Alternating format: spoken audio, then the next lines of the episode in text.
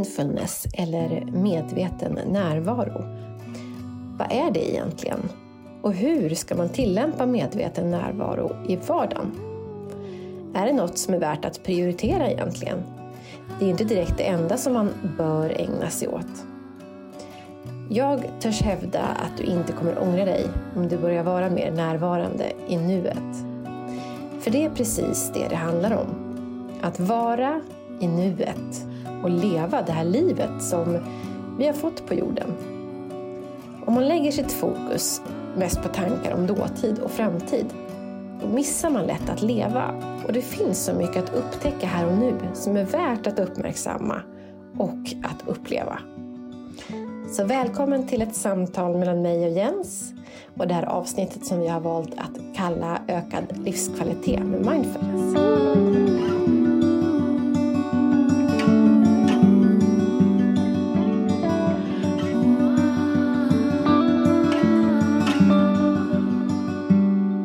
Idag Jens ska vi prata om ett eh, ämne som, är, som jag har levt med, som jag har övat på väldigt, väldigt länge. Många, många, många år.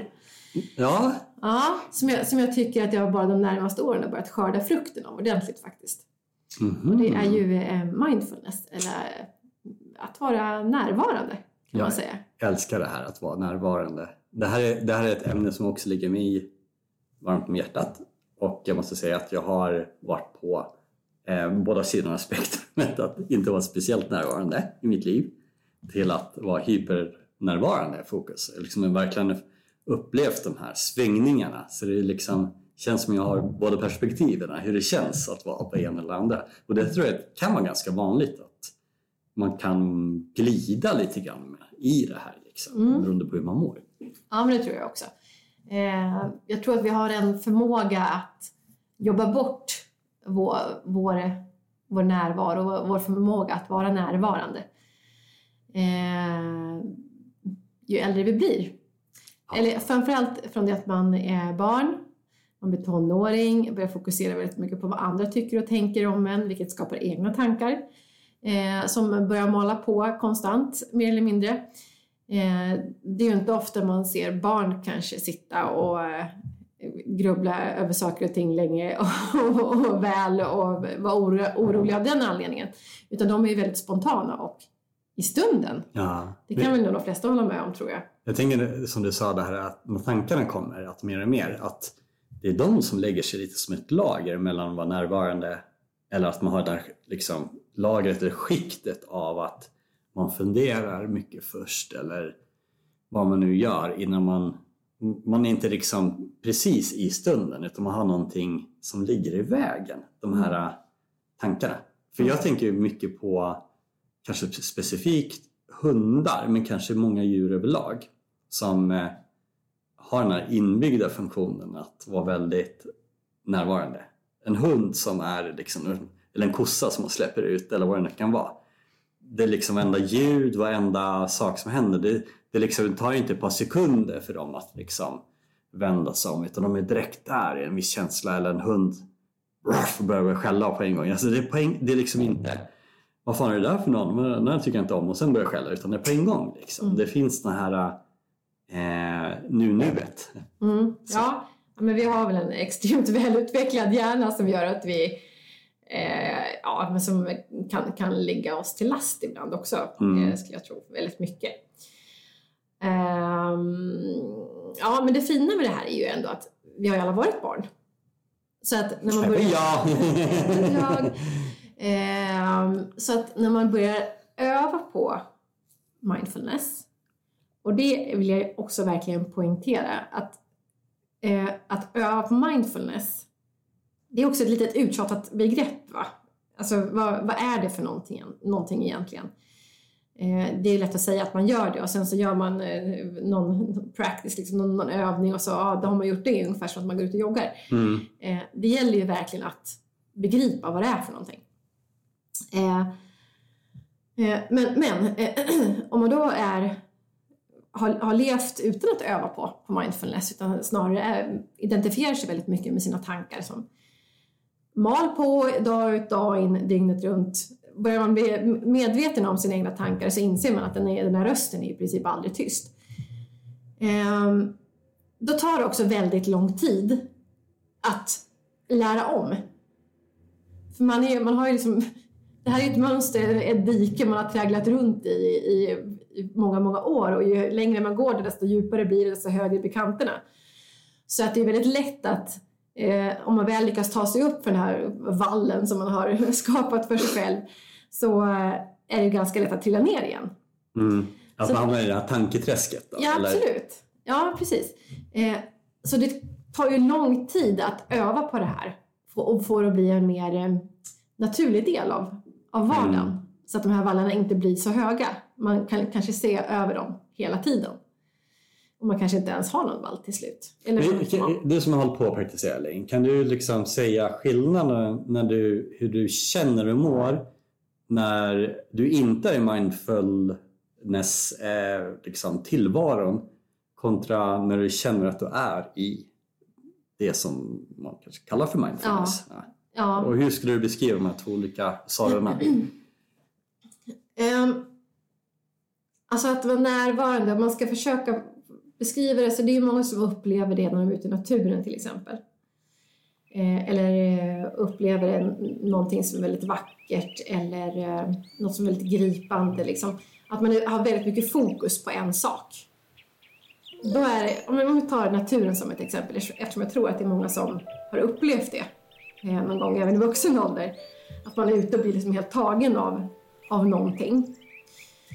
Ehm, så upplever jag att det är hela tiden. Även om jag sitter på toa. Ja. Alltså, eh, Den känslan av att bli så här, ah, att allting är det, det finns någonting vackert liksom, eller man, man kan bara uppskatta och vara, vara lite var som helst när man är närvarande. Allt har ungefär samma betydelse. Eller, alltså, det, det finns ingenting som är mer värt än någonting annat. En gardin är lika värdefullt som ett barn som skrattar. Alltså, Ja, det finns det. liksom en, någon, någonting i allting. Eh, och det är ju en väldigt ljus, upplyftande känsla av eh, lycka skulle jag säga. Eh, så om man, om man skulle säga att det är liksom en rymd man befinner sig i som är, som är ljus och lätt så är den här tanke eh, realiteten när man hamnar i, i det här spåret där det bara mal på. Det är ofta, det är ofta lite oroliga tankar om saker som ska hända. Eh, för mig oftast i alla fall då, eller eventuellt någonting som har varit, men ofta är det någonting som jag kanske oroar mig över. Något komma- hur, hur ska det gå med det där? komma. Eller, men jag måste göra sådär. Hinner jag laga mat innan det? Nej, det kommer jag inte göra. Okej, då måste jag handla också. Har jag det? Ja, men du vet så här som man Mm. håller på hela tiden. Eh, och man börjar, ja, då kanske den personen blir missnöjd och de tycker inte om det och då är en dålig mamma. Alltså, Ja. det blir ju så här en, en, en Verkligen ett kedja av tankemonster som man Ja. bygger upp. Ja, och då märker man direkt, eller man är duktig om man märker att då krymper den här sfären av rymd runt omkring sig. Då blir man mindre och mindre, jag nu visar mina händer hur det är så här, det blir som skygglappar. Ja. Eh, Man tänker inte ens på att man inte är i mindfulness för att man har så mycket tankar på, på o- den här oron eller saker som man måste planera eller vad det är. ja, Är det inte det när man, alltså motsatsen till mindfulness är när tankarna driftar eh, iväg på ett sätt som inte är kanske ett härligt dagdrömmeri utan snarare, eh, inte vet jag, säg att du är på ett fint ställe, du är på semester eller Mm. uppe i fjällen men så ändå så är du tankarna på tvättmaskin hemma och som ska bytas eller någonting istället för att vara här och nu. mm, Att det liksom, du är inte ehm, där din fysiska kropp är utan du är liksom i någon sorts antingen framåt eller bakåt i tiden eller på en annan plats. Liksom. Mm. Att, att det där är så, tar så mycket energi från oss på något sätt. Att, det behöver inte vara djupgrubbleri men det kan absolut vara det. Men det är alltid det som inte är här och nu. precis. Alltså så länge du riktar din energi, det du riktar din energi på, det är där den hamnar. Mm. Så att om du, ska, om du går runt och tänker, det behöver, som du säger, det behöver inte vara någon djupgrubbleri på några allvarligare saker. Men så länge du går och tänker på tvättmaskin, då ligger ju din energi i den där tvättmaskinen någonstans Mm. i framtiden som inte ens finns. Du vet inte vad som kommer hända med tvättmaskin. Ja, du har ju skapat ett, ett, eh, någonting som... Slöseri med ja, ja, och verkligen. tid. eh, och, sen, och inte bara det, du, tapp, du, miss, du mister ju allting som finns här och nu. Det som egentligen är verkligheten för dig här och nu.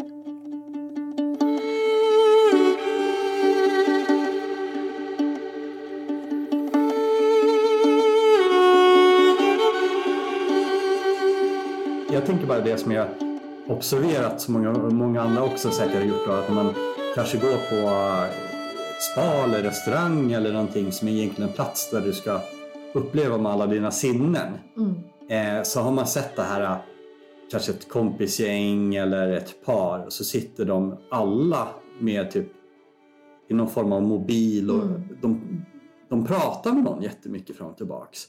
Men de ser inte varandra, de känner inte dofterna, de är inte där och då i maten eller i, i bubbelkoppen eller vad det nu kan vara. Utan det liksom finns en, och sen är det någon som tar fram och så gör man en selfie kanske med en kompis. Mm. Och då är man här och nu, liksom i den här bilden. Sen försvinner det här ögonblicket. Så Eller så liksom, tänker man på hur många likes, hur ska jag... Ja, så kan det vara. De, de, definitivt. Men man, alltså, det är som att vi har... Det ligger lite grann i, i den här tiden just nu att Mm. vara mindre här och nu närvarande med de beteendena i alla fall. Vilket jag tycker Mm. är jättehemskt. För är det någon gång man känner sig väldigt ensam kanske är ju sällskap av andra personer där du inte delar ögonblick. Mm. Alltså det är ju den här Mm. lite sorgsna. Man kunde lika gärna sätta på Instagram och fått lika mycket utav det ungefär. Fast du var det är själv så. delaktig i det. Jo men det, det, finns ju någonting sorgligt med på sätt och vis. Så är det ju absolut. Kontra om alla skulle vara liksom här och nu och ha en riktning mot mitten mellan varandra på något sätt. Ja. Att man, liksom, Ja, jo. Men, men jag tror att många är, är ju om, helt omedvetna om att ja, de lever i det här. Så de, de sörjer Det är kanske inte så mycket. naturlig varande som är lite så här som ingen mår bra av. Kanske. Mm, mm. Ja men så, så är det nog absolut. För det tär väl på en allt det här. En stor skillnad, någonting som gör väldigt stor skillnad, som vi pratade lite om tidigare här. Eh, mm, du och jag bara. Ja. Lite försnack. Eh, man vill ju absolut inte att man ska börja liksom slå på sig själv för att man går runt och är inte närvarande. För det är inte det det handlar om. Utan som sagt, det tar ju det, det tar lång tid eh, att få det här att bli automatiskt. Eh, men man kan ju uppleva de här ögonblicken direkt också när man Mm. börjar öva. Bara så här eh, korta, några sekunder av total närvaro är ju helt fantastiskt. Det kan göra en halv dag skulle Ja, jag säga. ja, alltså att man är liksom så insugen i vad det nu är för någonting. Ja, och ju mer du, eh, ju mer du övar desto oftare kommer de här ögonblicken att komma naturligt. Mm. Utan att du behöver göra någonting direkt åt det.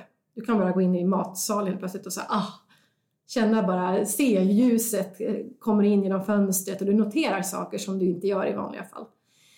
Eh, men, och då, då skiftar man också, är det bra att ha med sig ett verktyg, att man ska skifta sin, hur man tänker på sina, sina tankar och allt det här som pågår hela tiden. Så, för även om jag har övat mycket på det här så pågår det ständigt en dialog inne i mig också. Mm.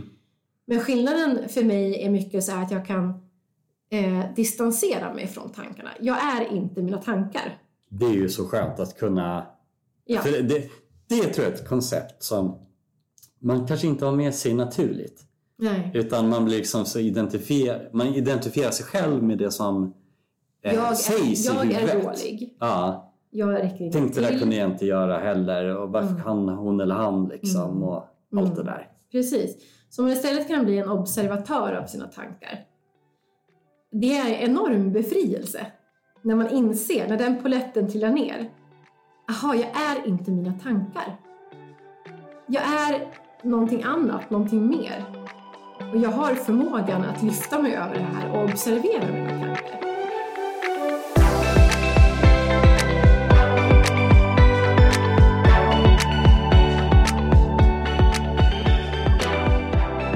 Min hjärna tänker saker. Ibland blir de lite knasiga. Mm. De tankar. Mm. Jag kan tänka sådana saker som jag inte ens menar. Förstår du? Alltså att liksom hjärnan får någon ADHD-grej bara. Mm. Eh, där jag lägger in en värdering som jag egentligen inte gör. Mm. Alltså det är som att tankarna kommer Mm. Och sen kan det vara så här, ah, okej, okay, intressant. Så här. Undrar hur den tanken kom överhuvudtaget. Ja, det, det står jag inte ens för. Nej, och jag menar, vi har ju hört säkert från våra föräldrar och vår omgivning att vi är på si och så sättet. Eh, vilket ju förmodligen styr oss, har, har gett oss vår egen uppfattning om oss själva. Alltså, mm. Det, det, har jag också sagt massor, massor med gånger, att man är van med att vara sig själv. Man är van att vara på ett speciellt sätt. Det här är jag, är det många som säger. Jag känner mig själv är det jättemånga som hävdar, fast de inte har en aning ja. om vilka de är och var saker och ting kommer ifrån. Men de är vana vid att vara på ett speciellt sätt. Jo, men jag, jag har temperament eller jag är otålig, jag mm. är si och så, si och så. Men jag tror ju inte riktigt på det där. Alltså jag tror att man, man har en enorm förmåga att, att vara så mycket mer än det.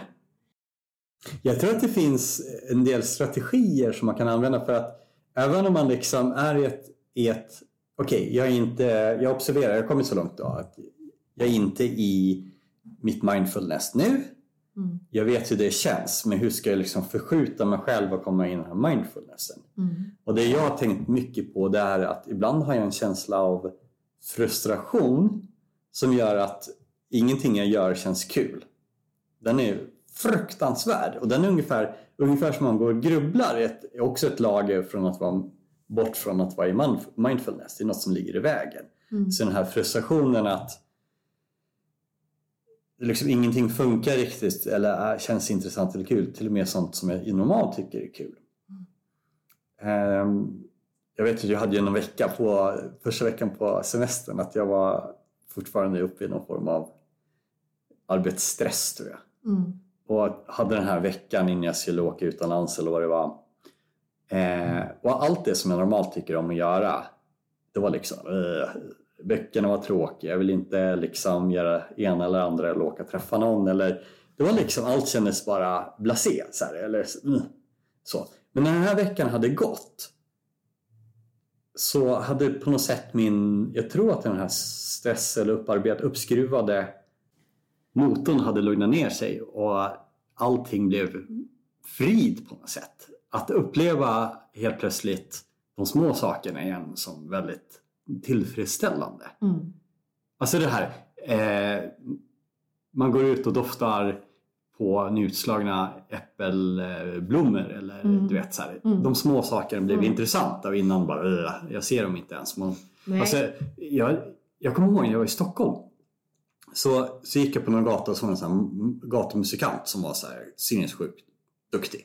Mm. Som stod liksom, typ jag stod där med tårar i ögonen i princip och ville lägga mig och tillbe liksom, för den var så mm. bra.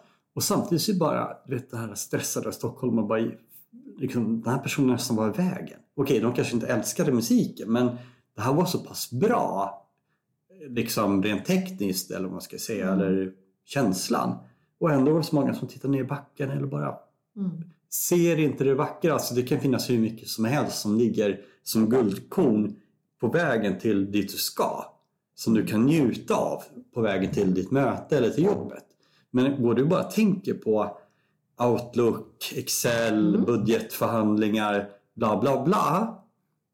Så du kanske missar liksom din livs kärlek, eh, det enorma musikstycket ja, ja. på vägen. Och, och, grejen är att det behöver inte ens vara något så ex extraordinärt Nej, som, som att det är en världsartist egentligen som står Eh, på gatan och spelar ett stycke musik. Utan det är ju verkligen där, där du lägger ditt fokus, det är där dit din energi kommer. Och i många fall så är det ju i mobilerna nu för tiden. Ja. Då, då har man liksom fullt fokus på det. Man kan switcha mellan olika saker men man kan inte hålla två saker i huvudet samtidigt. Alltså, man kan inte både lyssna på en, ett musikstycke och titta Outlook samtidigt. Då switchar man väldigt snabbt. Ja. Man tror, man sig... tror att man gör ja. båda sakerna samtidigt men det gör man inte. Gör båda sakerna lite sämre. Alltså ja, eller väldigt 40, 40, 40 procent ja, ja, istället för 50-50 för men, att du måste switcha. Och det är väl bara att ta, köra bil som är dumma nog att kolla i telefonen ibland ja. emellanåt. Man tänker att ja, men det, där, det kan jag. Men man switchar mellan vägen och mellan telefonen. Och det är ju inte en, en alltså det tar ju ändå den här, den här eh, övergången mellan telefonen och vägen. Det kan ju vara, vara en dödlig eh, glitch ja. i systemet. Man hinner inte. Men eh, det fina med mindfulness är ju då att den här promenaden till jobbet eller vad det är för någonting. Om man kan rikta sitt fokus på det man gör just nu. Alltså jag går. Här går jag. Ja, det här är min kropp till exempel. Det här är mina tankar. Eh, det här är vad, luft, vad, vad känner jag för doft? Det här är mindfulness. Alltså vad händer just nu? Vad hör jag? Vad ser jag? När jag tittar ner på marken. Jag går kanske på en kullerstensgata. Hur lyser det? låter ju jävligt dorky. Men det är verkligen, det, det är magiskt. Jag tror det här nyckeln ligger på något sätt. Ja, alltså, det, hur det är som ett skimmer av skönhet över Ja. nästan vad som helst. Alltså jag tror vissa... Ibland kan stora upplevelser vara lättare att trycka sinnet att, eller lura sinnet att bli mer närvarande. Men när man börjar liksom förstå att de små sakerna kan vara lika magiska som det händer någonting i livet. Så här, att Mm. När man liksom hör snön knarra under skorna. Så. Mm. Mm. Eh, Det kommer den här kalla vinden, man känner hur den går mot ansiktet. Solen som värmer ena sidan av ansiktet. Mm. Man är inte i tvättstugan, man är inte på budgetförhandlingen i tanken. Fast en budgetförhandling om tvättstuga kan också vara vackert. Det kan ju Det är vara. det som är- ja, det är det som är grejen. tvättar. Alltså, vi hade ju den här veckan, vi provade ju på den här veckan när vi inte fick använda mobiler Ja, ja. och titta på TV Ja. eller någonting. Jag tyckte verkligen det här med att handdiska som man gjorde, vissa grejer handdiskar jag alltid. Mm, Och sen, mm. Det var himla skönt. Mm. För att jag hade liksom ingen stress till nästa grej eller att ja, jag ska göra det här som är mycket roligare utan när jag stod där och diska då fick det ta sin tid och det fick vara ganska skönt och jag fick- kunde vara noggrann liksom med Mm. känna att ah, men här nu är den klar, nu tar jag Mm. nästa, en sak i taget. Mm. Istället för liksom, jag har väldigt lätt att hoppa till nästa sak. Tror jag annars. Mm. Eller vill bli av med det här tråkiga så jag kan göra Ja. något kul eller vara. Ja, men, ja, och det... Men nu fanns den tiden att kunna liksom sätta på varje grej. Ja. Baka ett bröd, stå där och liksom knåda och känna doften. Ja, men då finns det ju egentligen, det som, vad är det som stressar oss? Ja, men det är oftast tankar på sånt som vi inte kan kontrollera. Ja. Eller, liksom sånt som ska, man måste göra kanske längre fram. Eller, Sånt vi inte gjort eller sånt vi skulle sagt Ja. eller vad det är, samtalet med någon. ja, ehm, men det händer ju inte just nu. Och vi kan inte påverka det som kommer hända längre fram. Så att oroa sig för saker som kommer hända längre fram, det är onödigt. Jag känner igen mig i det här, för jag har ju en liten orospersonlighet. Att jag är Mm. lätt att gå in i så här äh, det som kan hända. Mm. Och helt plötsligt kan det bli ett jättestor grej av någonting som Mm. kanske inte är sannolikt att det ska hända. Men ändå så ska liksom mina tankar vara där hela vägen. Liksom, lite katastroftänk och gärna lite hur kan jag undvika det här? Ja, den kanske behöver Mm. mer fack, alltså bla bla bla. Mm. Det där har ju aldrig gjort mig gott riktigt. Så man kan ju tänka sig att det finns en överlevnadsinstinkt i det här. Att, att förutsäga vad faror och undvika dem på ett smart sätt. Mm. Men oftast så är det bara påhitt i hjärnan. Ja, och man ska ju inte... Det, är inte så att man bara ska släppa allt såklart och "Nej, men man, vadå, då kan jag ju inte planera min, mitt liv eller, Ja, min ekonomi eller... Nej, eller min presentation eller förbereda mig för saker och ting, vad det nu kan vara för någonting. Men det är väl också en form av mindfulness om man bara fokuserar på den grejen man arbetar på. Mm. Eh, om det nu är en pres- presentation. Mm. Och så, att du har 100% fokus här och då på den. Okej, du kanske inte fokuserar på din egen andning och allt sånt här. Men eh, tar man bort saker och ting som stör sitt fokus om inte annat. Eh, mobilsignaler, aviseringar, saker och ting i datorn som pluppar. Eh, man kanske till och med säger åt att nu har jag fått min fokustid om man sitter hemma och gör det till exempel. Då är man ju här och då med sin grej. Okej, du har ju inte den här andra som man kanske känner när man är ute och går i naturen och den här naturliga upplevelsen. Men du har ändå ett, fokustid så här, som man kan, kanske kan hålla. Ja, och det är ju, det, det behöver inte vara naturen eller, det är ju mindfulness. Mm. Det är ju där man kan Medveten känna närvaro. flow. Det är ju inte det som är Jo. liksom, du kommer in i det här äh, saker och ting känns nästan så onaturligt lätt Ja. till slut när du är inne i ett flow. Ja, och jag tror att eh, om man har en, ett med, en medveten närvaro så tror jag man kan uppleva flow i nästan vad som helst. Mm. Eller i vad som helst.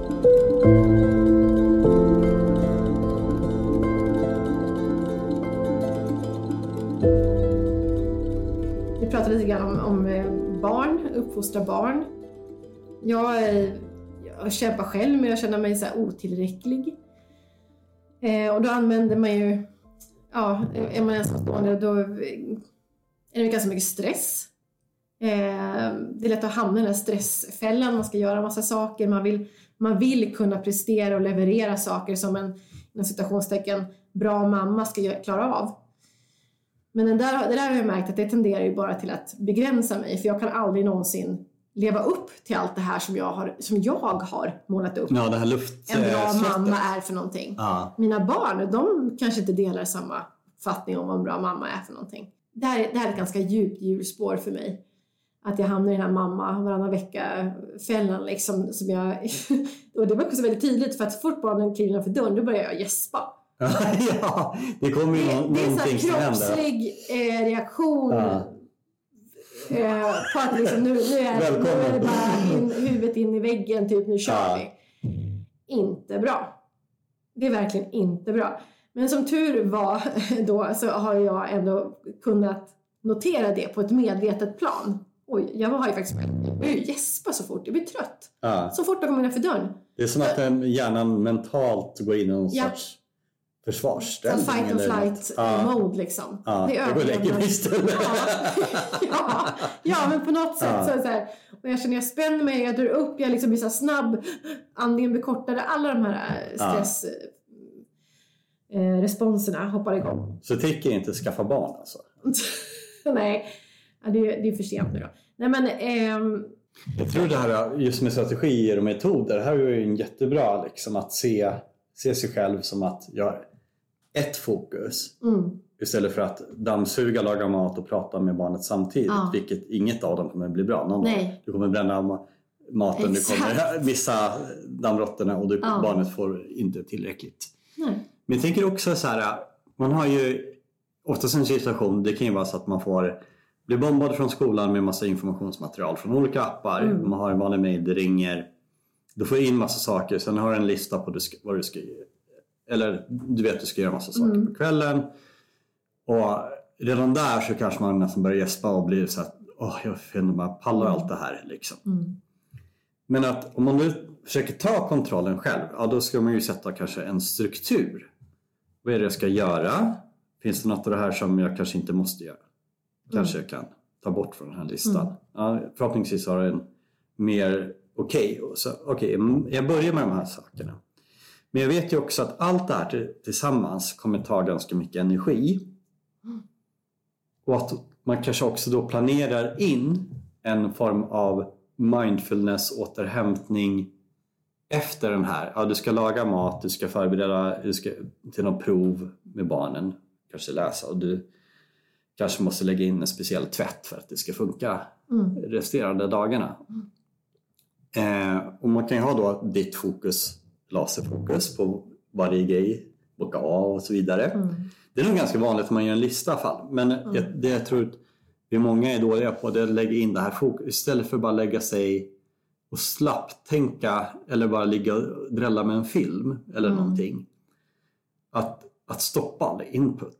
mm, Och att göra den här som en mindfulness, ta ett fotbad eller vad det nu kan vara. Liksom, Mm. Om man ser ut, ta ett glas vin eller vad det nu kan mm. vara. Alltså, Det är så lätt att man bara fortsätter och sen börjar man, när man är klar med alla grejerna som är uppe i varv, då börjar man tänka på morgondagen Mm. redan. Ja. ja, i början så måste man planera in det.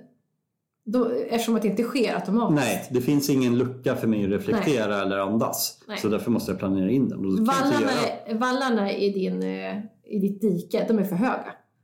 Så så länge du inte med medveten kraft tar dig upp i de här så kommer det inte, kommer det inte ske.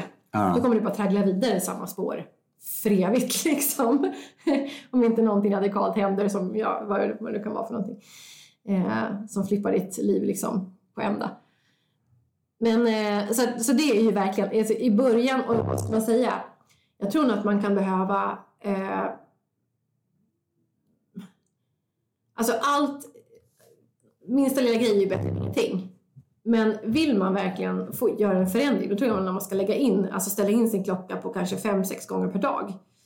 Att man bara, och det räcker med en kort, ett kort avbrott. Att man bara stannar upp, blir medveten om vad gör jag just nu? Vad försiggår mitt vad är det för tankar som syns genom mitt huvud? Man kan ta, fokusera, ah, fokusera på andningen, ta några djupa andetag och verkligen anstränga sig för att vara i nuet och observera, också observera sina tankar, för de kommer ju väldigt snabbt. Eh, till en början i alla fall. Eh, och sen så efter ett tag, då kommer, då kommer det där, oh, vänta här nu, va? Då, då liksom, det var, det var någonting ju. Ja men just det, jag ska vara närvarande. Då kommer de utan att klockan ringer. Och då, det är ju fantastiskt. Ja. Då har man ju skapat en, ny vana som är så mycket bättre. Och kan man, om, man inte, om man ignorerar den där signalen som kroppen vill ge en då, då kommer man ju halka tillbaka till sina gamla spår. Så då ska man ju verkligen ta tillvara på den stunden. Och då, då kommer det ske mer och mer och mer och mer frekvent. Och då har man börjat leva sitt liv mer närvarande.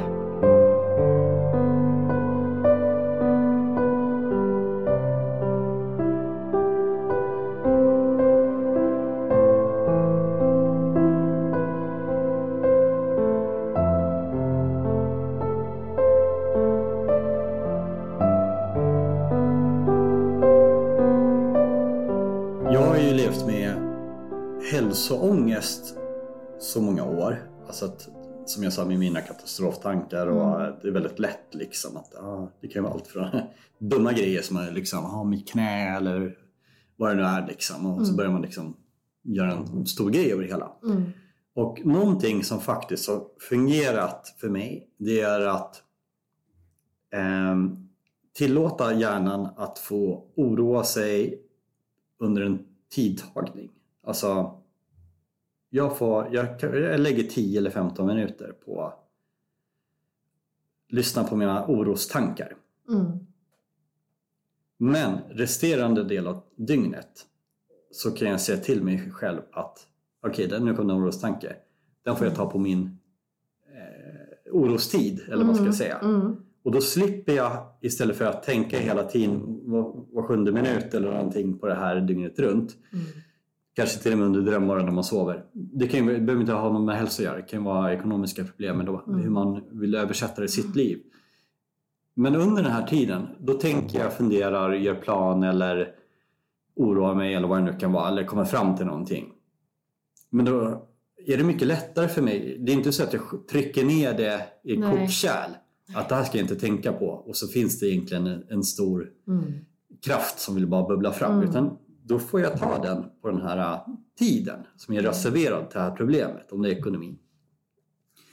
Ehm, och det funkar mycket bättre än vad jag trodde. Mm. Ehm, för hjärnan går med på okej, jag kommer att ta hand om det här. Så då kan jag skjuta upp det till det, det tillfället. Men om jag bara inte låtsas om någonting så finns det all- alltid kvar. Mm. Det skiftet har gjort att jag har fungerat bättre under de här äh, oros, eh, vad det nu kan vara, vad man är orolig för. Mm.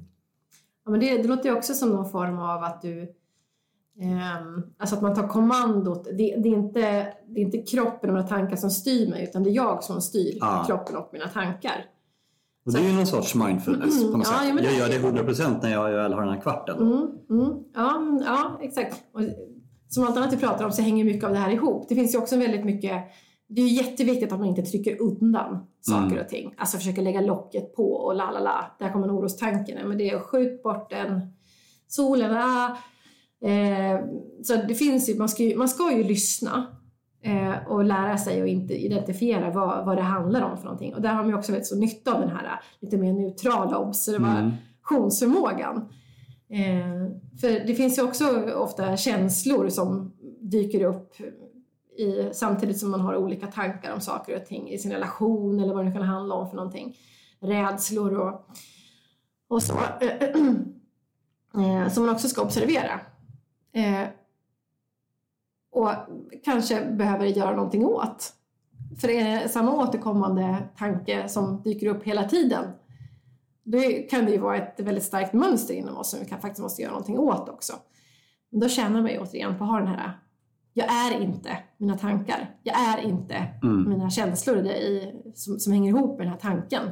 Ja, man tar ju kontrollen till sig Ja. istället för att saker och ting bara sker. Ja, men offerkoftan den gör ju ingen Gärna. nytta. Liksom. Nej, den nej, försvinner. precis. det, man får en annan kontroll och då känns det ju ja, livet mycket lättare. Skulle jag säga. Har du några strategier när du liksom hamnar i ett läge, förutom det här med fokuset, som gör att du kan ta dig till en mer andning lät ju som en väldigt Ja. bra. Och det tänker jag, det är ju grunden i meditation. Mm. Att ha fokus på ett lagom långt ett andetag i några 6-7 sekunder kanske. Mm. Ja, det men- tycker jag är jättebra. Ja, men jag tror att det gäller att hitta några saker som kan bli betingade. Alltså, jag har ju ägnat mig en del, en del åt meditation och yoga ju. Eh, och där är det mycket fokus på andningen. Eh, och när, man, när jag utövar det, då har jag ofta ett väldigt, då är jag väldigt närvarande. Jag övar på, på att vara närvarande. Eh, jag har ett lugn i kroppen. Jag har den här observationsförmågan liksom uppkopplad på något sätt. Så jag känner mig ju väldigt eh, alltså expanderad på något sätt.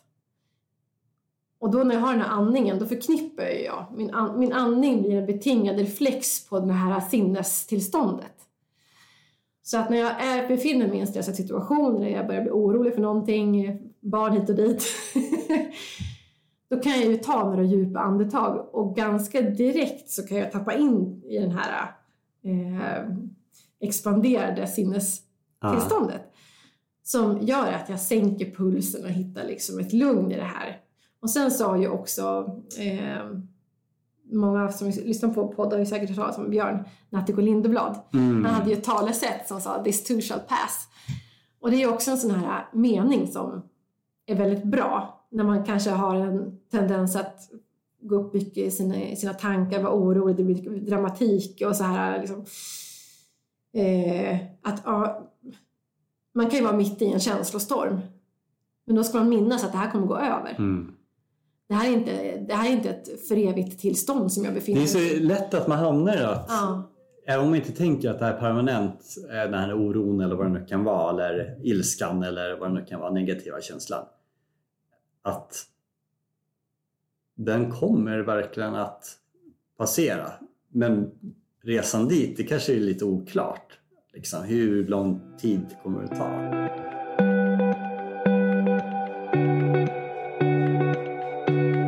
Jag tror att jag använder mig av eh, vissa metoder för att, kanske omedvetet för att må bättre eller komma in i den här mindfulness. Om jag har stora stresspåslag så är ju oftast eh, idrott kan ju få mig att eh, om man går, då är det lätt att hålla ganska mycket tankar i huvudet. Mm. Att man kan gå och processa. Det kan vara ett bra sätt att processa saker men springer jag snabbt då jäklar, då går det inte att mala på med de här sakerna. Nej. Det går inte. Eh, vi har ju upptäckt det här med att klättra till exempel. Det är ju också så här, man är ju verkligen nästa grepp och jag måste rotera höften här, Mm. alltså vad det nu är. Man är väldigt närvarande automati- per automatik. Mm. Men jag tänkte komma fram till, det finns ju sådana här som skogsbad och man kan ut och klappa getter och sånt där. Och jag tror att sådana här saker, det sänker ju pulsen. Man, man kan liksom komma ner till ett läge där man kan eh, kanske tänka andra saker.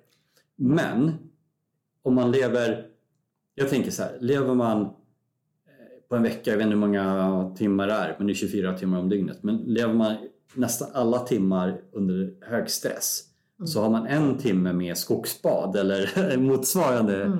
Eh, spa så är ju förhållandet mellan oerhört mycket stress och en stressfri miljö är ju jätteobalanserat. Mm. Eh, så att det blir mera små plåster. Ja, men hör, hör du också att när man gör här extrema saker, Ja. som hoppar ner en iskall sjö till exempel, Ja. eh, eller klättra i ett berg. Mm.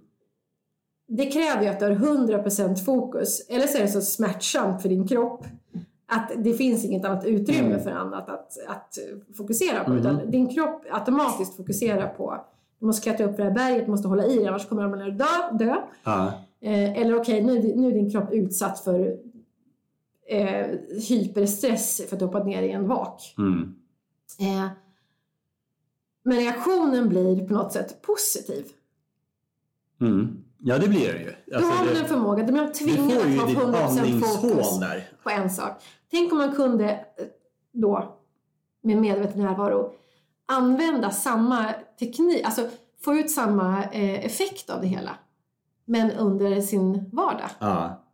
För proportionen blir ju galna sig, Precis, att... för att man har övat sig på att man är närvarande. Man ja. blir inte tvingad att vara närvarande för att kroppen skriker och dör om du inte är närvarande. Mm. Utan man har övat sig på att bli närvarande i varje sekund i sitt liv. Eller mm. varje sekund. Det, det är få som är så närvarande kan jag säga. Det, det ska man också vara medveten om. Att vara, vara närvarande, det, för mig handlar det inte om att man ska gå runt i ett ah eh, hela tiden.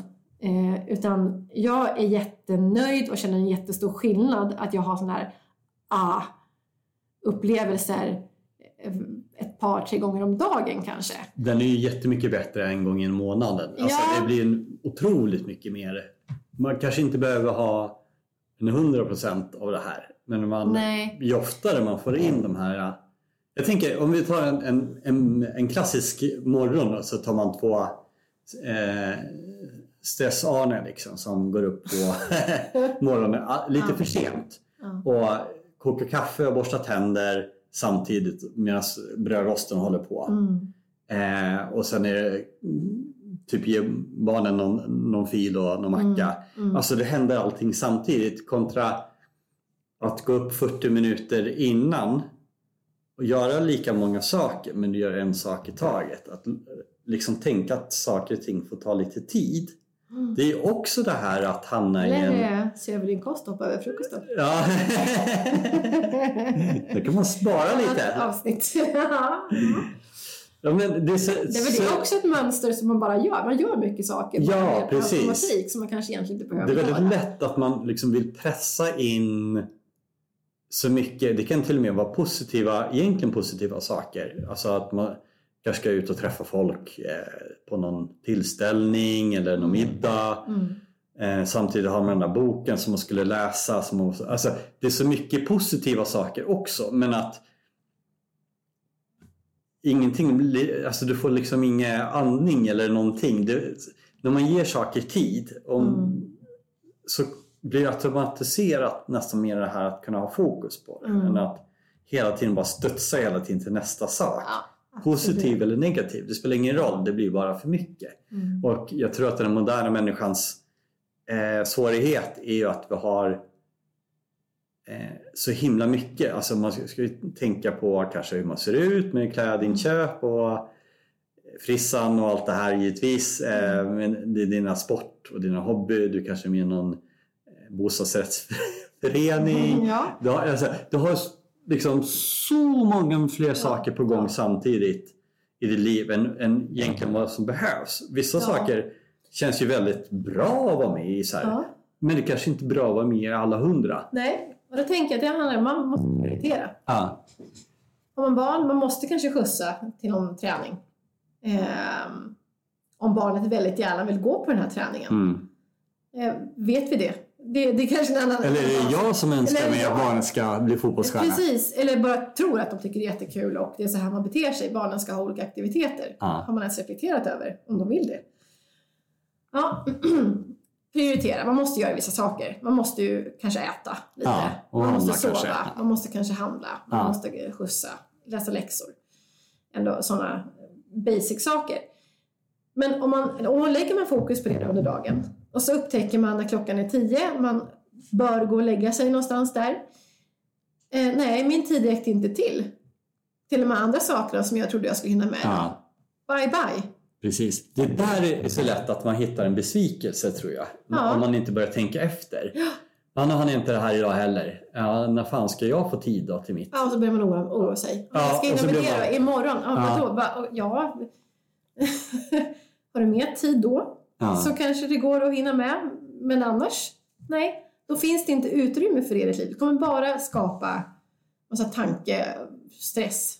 Jag hörde någon som sa något intressant att, jag tror att det var med träning eller någonting. Ja, men jag har ingen tid, jag har så fullt upp. Mm. Samma person pratar väldigt mycket om olika tv-serier, filmer och ena och det andra. Ja, men vi har ju alla 24 timmar om dygnet. Ja. Och lustigt nog så kan vissa träna ett par timmar om dagen. Mm. Okej, det är inte jätterättvist med småbarnsfamilj och så vidare men i stort så här. Ja men det kanske finns enorma tidstjuvar i ditt liv som du inte ens är medveten om. Mm. Och det är ju också där att ta kontrollen till eh, sitt eget liv. För tittar man på film tre timmar om per dygn, eller TV, ja visst, då är det ju fruktansvärt svårt att få någon värdefull kvalitet för de andra delarna.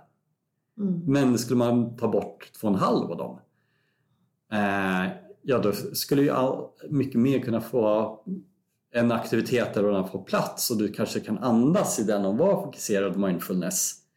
Du kanske hade jättemycket tid över egentligen. Det är bara att Mm. Alltså det, det blir ju ganska... Jag ser ju framför mig en massa människor nu som bara suck. Så här, hur ska man ha det? Ska man, jag kör, måste man på mindfulness också? Hur ska jag få in det? ja, vi ska få in det mitt i allt Ja. Ja. Så det, det får ju inte bli någon, någonting, Man lägger y- ovanpå ytterligare en kanske. sak man måste hinna med. Ja. Men jag tror att om man ägnar sig åt och känner hur det känns att vara närvarande, då kommer man förstå själv att det här är någonting som jag måste prioritera, för jag mår bra av det. Ja. Och det kommer göra att saker och ting klarnar i resten av livet. Eh, det, fin- det, är inga, det finns inga måsten. Det, det är bara, man bestämmer själv. Mm.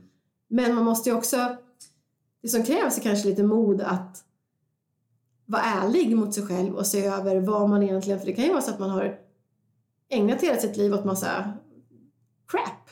Mm. Jag tror vi, fler, vi har ju alla varit i en period där vi bara ägnat oss åt crap egentligen. Ja, och det, är inte, det finns inget...